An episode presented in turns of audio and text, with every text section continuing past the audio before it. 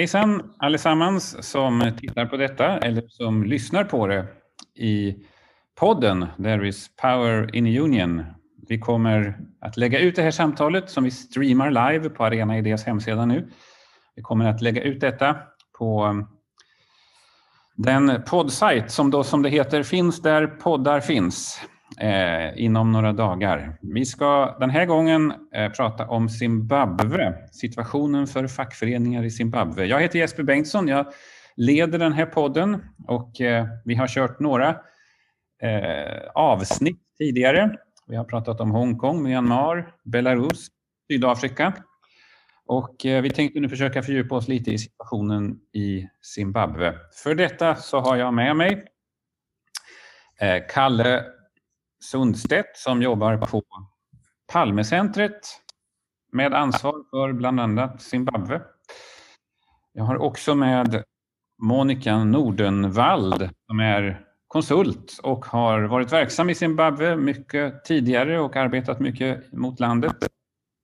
Eh, jag hoppas också, I also hope that I have Austin, sorry, now I, I lost contact. We have had a bit of a problem with the contact with uh, Austin Musvere, who is Vice General Secretary at the union organization GAPVUS in Zimbabwe.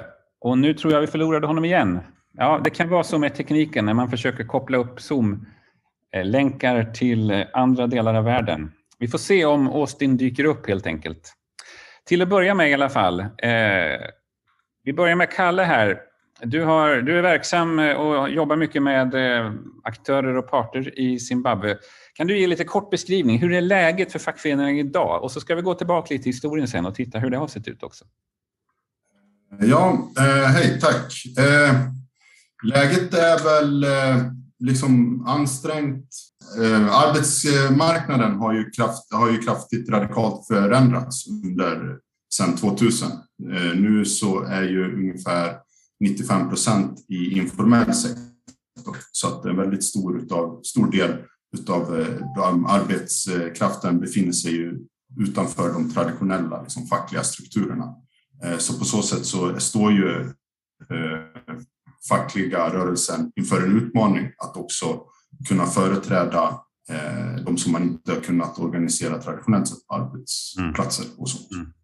Det kan man säga i, eh, i korthet. Men, eh, men, eh, men rätten att strejka är ju inskriven i den nya konstitutionen från 2013. Så på så sätt så är den ju, de fackliga rättigheterna finns där, även om konstitutionen inte är fullt ut implementerad så att säga. Det får finnas fackliga... Så det var ju, om man ska dra det längre... Det får alltså finnas Abs Absolut, absolut. Absolut. Många, I många av de länder vi har pratat om så har ju det inte varit fallet heller.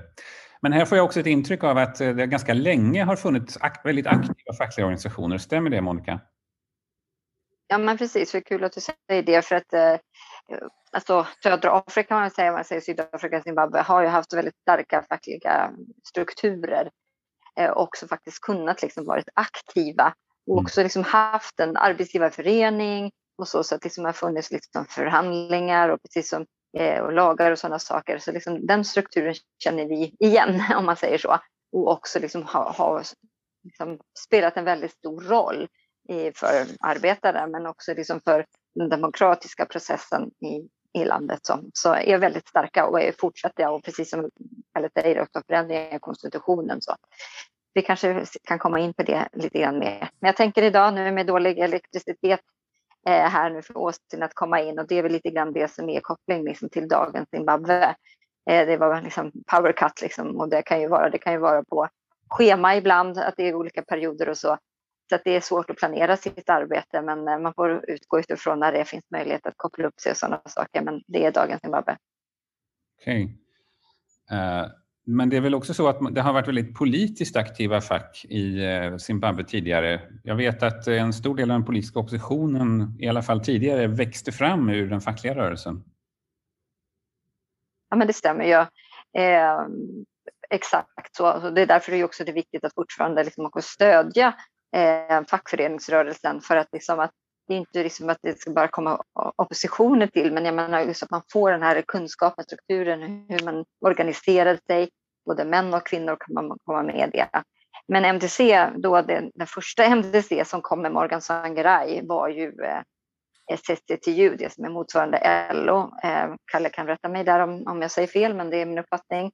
Och eh, som då startade MDC, det oppositionspartiet. Mm. Eh, Lantarbetarförbundet, Gappo, som vi nu hade tänkt att prata lite grann om eh, och med, eh, de är ju ändå vikt, de är, liksom, trycker väldigt viktigt på också liksom att liksom, de inte ändå liksom är en opposition fackförening då, utan liksom att när det är val och sådana saker så är det viktigt liksom att alla får möjlighet liksom att få kunskap om val och sådana saker. Men det som du säger, det är därför det är viktigt att stödja den här formen av strukturen för att det liksom ger också en politisk kraft och en mångfald. Mm, mm. Alltså det är ju det är en ganska stor industri i Zimbabwe. Jag menar, det är både liksom träindustri, eh, han pratade till och med om Carpenta. Carpenta är en viss fiskeindustri som är i, i norra delen av Zimbabwe någonting som vi kanske här ser. Jag menar, sen är det ju vanligt, liksom, man kan ju även se i produkter här i Sverige att det är bönor och sådana saker.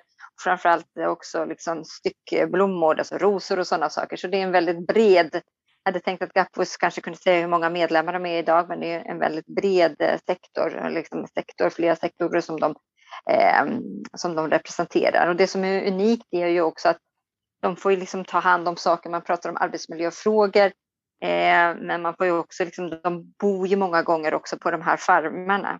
Så vi, vilket gör liksom att man liksom även representerar, även om det egentligen inte står i deras uppdrag, men det blir ju liksom hela livssituationen för de här lantarbetarna, vad de har liksom för boendesituation och sådana saker. Vilket också liksom, man kommer också nära saker om våld i hemmet eller sådana saker som har en väldigt bred, ett brett uppdrag. Mm. I generationer kan man ju säga att, liksom att de eh, har kommit eh, människor från Malawi och Mosambik som också heller inte har eh, Zimbabwes medborgarskap. Så det är också någonting som man har jobbat väldigt mycket med. Så det är, liksom, det är många villkorsfrågor eh, som Gapfus har mer kanske än vad man generellt annars har eh, som, som fackförbund. Mm. Kalle, Kalle, vill du? Eh, vilken mm. sorts arbete gör ni i relation till era samarbetspartners i, i eh, Zimbabwe? Eh, alltså vi stöttar ju eh, folklig mobilisering och organisering och jobbar eh, med fackliga organisationer, med kvinnoorganisationer och ungdomsorganisationer och ibland med organisationer som liksom syftar till att, att stärka liksom folkrörelserna. Där. Så att det kan ju vara att man jobbar, att man har ett direkt samarbete med lantarbetarfacket Kapus till exempel, eller att man jobbar med den fackliga federationen CCTO som vi också gör tillsammans med LO och TCO Eh, eller att vi jobbar med den fackliga tankesmedjan Ledrix för att liksom jobba med policyutveckling och komma med konstruktiva inspel i den sociala dialogen. För den har institutionaliserats sedan två år tillbaka till exempel i den här mm. Tripartite Negotiation Forum. Men också att man stöttar eh, kvinno och ungdomsorganisationer som inte är liksom, som en del av den fackliga familjen. Eh, på så sätt, på så sätt är vi, är vi, har vi ett bredare liksom, anfång så att säga yes. och skapa strategiska gränser. Yes. Eh, vad skulle ni säga är de största utmaningarna då mot, eh, för de fackliga organisationerna i Zimbabwe? Så det har ju varit i processer, tänker jag, att jag menar, eh, eftersom precis som det som du nämnde tidigare, att det liksom ändå var, fanns kopplingar till oppositionen eftersom det liksom eh, startades ett oppositionsparti där så eh, det sån ut PF då under Mugabes regering. Ja, när man pratar om då, eh, vad heter det, under Mugabes regering så liksom skapade man någonting som heter Splinter Unions. Det var också för att liksom försvaga de pågående, liksom de riktiga strukturerna som fanns för att de inte skulle bli så starka och, och liksom man har arbetat mycket på det sättet. Så att jag menar många gånger Eh, under landreformen och så också så liksom blev ju liksom fackföreningsrörelserna liksom motarbetade för man tänkte att det är, att, att det är en koppling till, till oppositionen. Så. Eh, annars har det inte varit direkt kanske i det fackliga arbetet i sig som liksom har varit eh, liksom motarbetat skulle jag vilja säga. Men, men just utifrån mer kopplingen till att det kanske finns op oppositionella inom rörelsen och att man då mm. når så många medlemmar i en sina budskap så har man då försökt hindra att, liksom, att man kan få möta upp och det blev ju en lag under Mugabes tid att man inte under en period att man inte fick vara mer än fem personer och träffas för att organisera sig och sådana saker. Mm. Och det har ju liksom gått lite upp och ner också med den nya regeringen. Mm. Mugabe styrde ju landet under eh, en rad decennier men lämnade ifrån sig makten för några år sedan. Har det på något sätt förändrat situationen för de fackliga organisationernas möjligheter att arbeta eller är det ungefär samma sak? Ja, både ja och nej. Institutionerna är ju till stor del samma. Eh, problemet är att eh, sedan 2016 införde man just de här bond notes och den har ju eh, Eh, den ekonomiska situationen har ju kraftigt förvärrat. Det är en, det är en ganska kraftig inflation i landet som som liksom ligger tandem med, med någon sorts policyinkonsekvens när det gäller liksom det finansiella ramverket. Så alla liksom fackliga framgångar när det gäller liksom löner och sånt, man hinner liksom inte riktigt med. Så det är, det är liksom en stor utmaning eh, som, eh, som de har. Eh, sen är det ju eh, strejkrätten är ju liksom eh, begränsad när det gäller vissa sektorer, alltså offentliganställda kan inte strejka på samma sätt som, som privatanställda och eh, eh, de, de, har inte samma sätt, de har inte liksom kollektivavtals och fackföreningar på samma sätt heller, eh, public sector eh, workers. Och det är den, det är liksom den största liksom formella arbetskraften som finns. Eh, så att eh, så CTU organiserar ju främst privat sektor. Eh. Mm. Eh, så, så det är liksom utmaningen. Eh, och en annan utmaning är liksom landreformen. Precis som, som, som Monica sa så företräder ju liksom Gapus lantarbetare generellt och det är liksom motsvarigheten ju kanske som bara som statarsamhället, liksom där arbetsgivaren också är ens hyresvärd. Liksom. Eh, så att om man vinner, om man får igenom en löneökning, ja men då kanske hyran blir eh, eller liksom priset på maten också för att den har också den lokala butiken. Så det är sådana utmaningar som är stora och när, när eh, farmerna har fördelats eh, till eh, eh olika eh, delar av eliten och så där så byter de ju liksom hyresvärdar och när de delar upp stora farmer så blir det också konflikter mellan boende på farmer för att det är den tidigare liksom arbetskraften som har bott där i generationer på ett ställe som förväntas kanske jobba på ett annat ställe eller inte jobba på ett ställe och så vidare. Så det är mycket som ligger med det där. Men det finns också en viljeyttring ifrån eh, från den nya regimen att eh, kompensera eh, de flera hundratusen lantarbetare som blev av med jobbet i och med eh, landreformsprocessen. Eh, Eh, när, när vita farmare vräktes för 20 år sedan mm. så var det ju flera hundratusen farmarbetare, lantarbetare som blev av med sina anställningar. Eh, där har man liksom inte kommit så långt än, men det finns ändå någon sorts... Eh, Gapus är liksom konsulterad i de, i de kraven och får komma in med listor på folk som, mm. som har sådana saker att eh, driva och kräva så att säga. Yes, yes.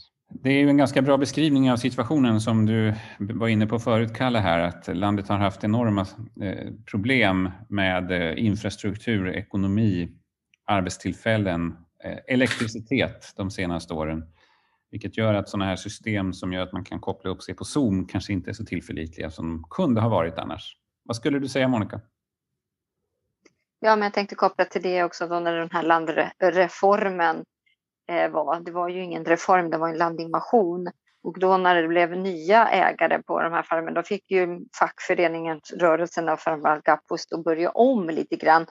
Liksom att lära, för det fanns ju en struktur, liksom hur man kände till när det var förhandlingar och man skulle liksom ha för, lokala förhandlingar eller ibland när man gick på centrala förhandlingar. Men de här nya ägarna var ju inte lika intresserade och arbetsgivarna var ju inte lika intresserade av de här sakerna. Så där har liksom Gaffus få liksom kämpat tillbaka igen för att liksom komma in, tillbaka med de fackliga rättigheterna för arbetarna där. Så det har ju varit en liten tillbakagång på det sättet. Och sammanhanget där är väl egentligen som Kalle beskrev förut att för ungefär 20 år sedan så gjordes det en stor landreform där ett antal väldigt stora farmer eh, togs ifrån vita ägare och, och gavs. Och meningen var ju att det skulle vara en så att säga, demokratisk landreform, men det gavs ju väldigt mycket till den nya eliten i landet. Eh, personer med nära koppling till Mugabes regering.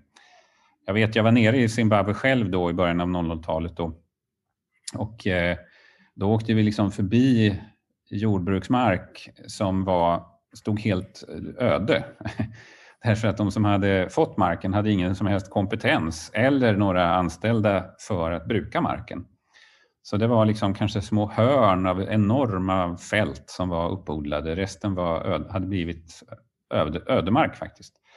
Och det tappade ju väldigt mycket av sin eh, jordbruksproduktion under ett antal år där. Eh, och, och, som ni beskriver där så innebar det också att fack, de fackliga organisationerna i stor utsträckning fick börja om. Eh, men ni beskriver också den här ekonomiska krisen och läget. Det måste vara jättesvårt att arbeta fackligt i ett land som har haft den här hyperinflationen som landet hade under en tid och eh, som har haft eh, stora sociala konflikter, våldsamheter ganska ofta och, och just politisk turbulens. Vad säger ni om den beskrivningen? Kan man egentligen bedriva en rimlig verksamhet i ett sådant land för, för ett fack?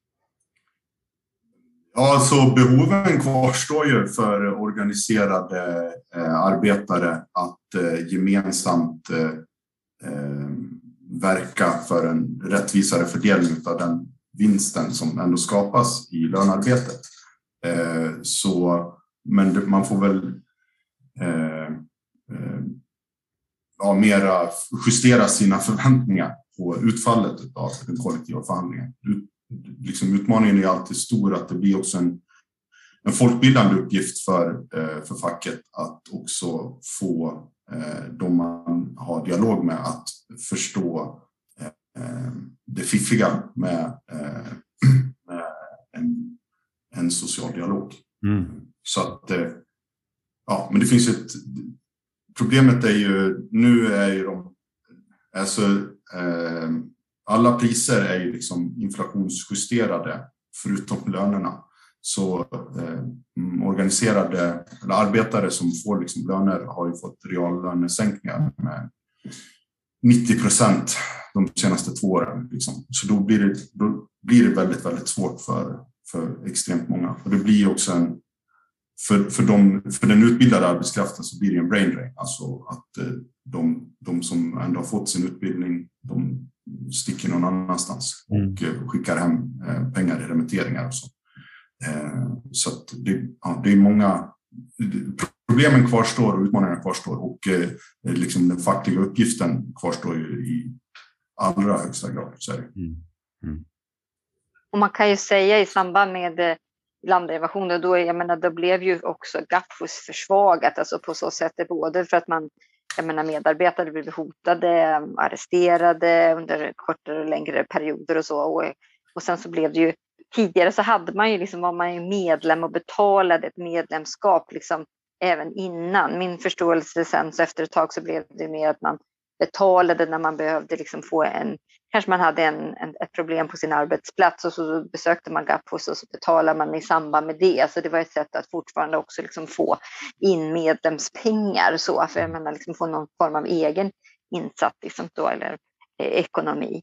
Eh, så där blev det, blev det en förändring. Men sen så har ju liksom igen liksom Gapos tagit platt igen och liksom haft en något säkrare eh, liksom ändå möjlighet och helt imponerande jag menar när man liksom ska besöka en farm som ligger långt inne, eh, långt utifrån stora vägen och så där, liksom man går långt och man transporterar sig kanske på motor, motorcykel. Så, så liksom, det är otroligt liksom stort ansvar eller liksom engagemang som finns bland de här personerna. Så, för att man, liksom, man ser ändå att, liksom, att man man kommer framåt och som Kalle nämnde tidigare har vunnit väldigt många saker i förhandlingar och liksom förbättrat. Liksom, den här minimilönen till exempel har ju liksom lagt på en, på en bättre nivå och sådana saker. Så det är framgångar samtidigt som du säger då att hur ska implementeringen ske? Liksom så. Men eh, de har verkligen en, en bra röst och en bra plattform fortfarande. Mm. Vad tror ni om fortsättningen då? Kommer fackföreningarna klara av att eh, arbeta vidare i Zimbabwe och stärkas eller kommer, är det nödvändigt att det blir politisk förändring, vilket inte riktigt har hänt trots att det var flera år sedan Mugabe avgick. Tror ni att det går att är det nödvändigt med ekonomisk stabilitet för att fackföreningarna ska kunna blomstra? Ja, det är lättare att fördela en kaka som är större. Liksom. Alltså, eh, för att det är någon sorts resursfördelning som det handlar om. Eh, men jag tror också eh, att eh, om den andra delen utav i den sociala dialogen, om de liksom inser vikten av att hålla liksom internationellt ingångna avtal och skapa ett gynnsamt investeringsklimat och så där så blir det liksom bra, bra för alla. Att om man inte ser fackliga organiserade fack som fiender eller terrorister utan att man också men det beror på, utmaningen ligger på båda hur man politiserar de rummen, de plattformarna för dialog och samtal. Liksom. Mm. Så det är klart att det finns eh, möjligheter. Men, eh, men då måste båda, eh, båda spela snällt liksom, eller vara konstruktiva i dialogen. För att eh, risken är annars att, att, att man bara eh, rubberstampar eller ger alibi i en process som är liksom inte eh, legitim. Liksom. Eh, så, men den, den, det beslutet får ju liksom, eh, facket själv ta huruvida man ska mm delta i processerna eller om man ska så här, ta till det yttersta eh, liksom, som strejkvapnet. Då, liksom, mm. så att säga. Mm. Vad, vad tycker ni? Jag har pratat med ganska många aktivister och folk som jobbar gentemot andra länder att, att det, är, det är beklagligt på flera sätt men begripligt att vi i vår del av världen uppmärksammar de här länderna under korta perioder när det händer dramatiska saker och sen har vi en tendens att glömma bort dem man kan väl säga att detsamma gäller för Zimbabwe. Det, det, det, när det händer våldsamheter, när det sker politiska förändringar, då får vi nyheter därifrån och då uppstår ett offentligt samtal om det.